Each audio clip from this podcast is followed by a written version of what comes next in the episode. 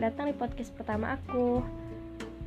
Dan podcast pertama aku ini, aku akan membahas tentang cinta pertama. Ngomong-ngomong tentang cinta pertama, apa yang pertama kalian dengar kalau ada yang menyebutkan tentang cinta pertama? Apa orangnya? Apa kenangannya? Atau sebaliknya?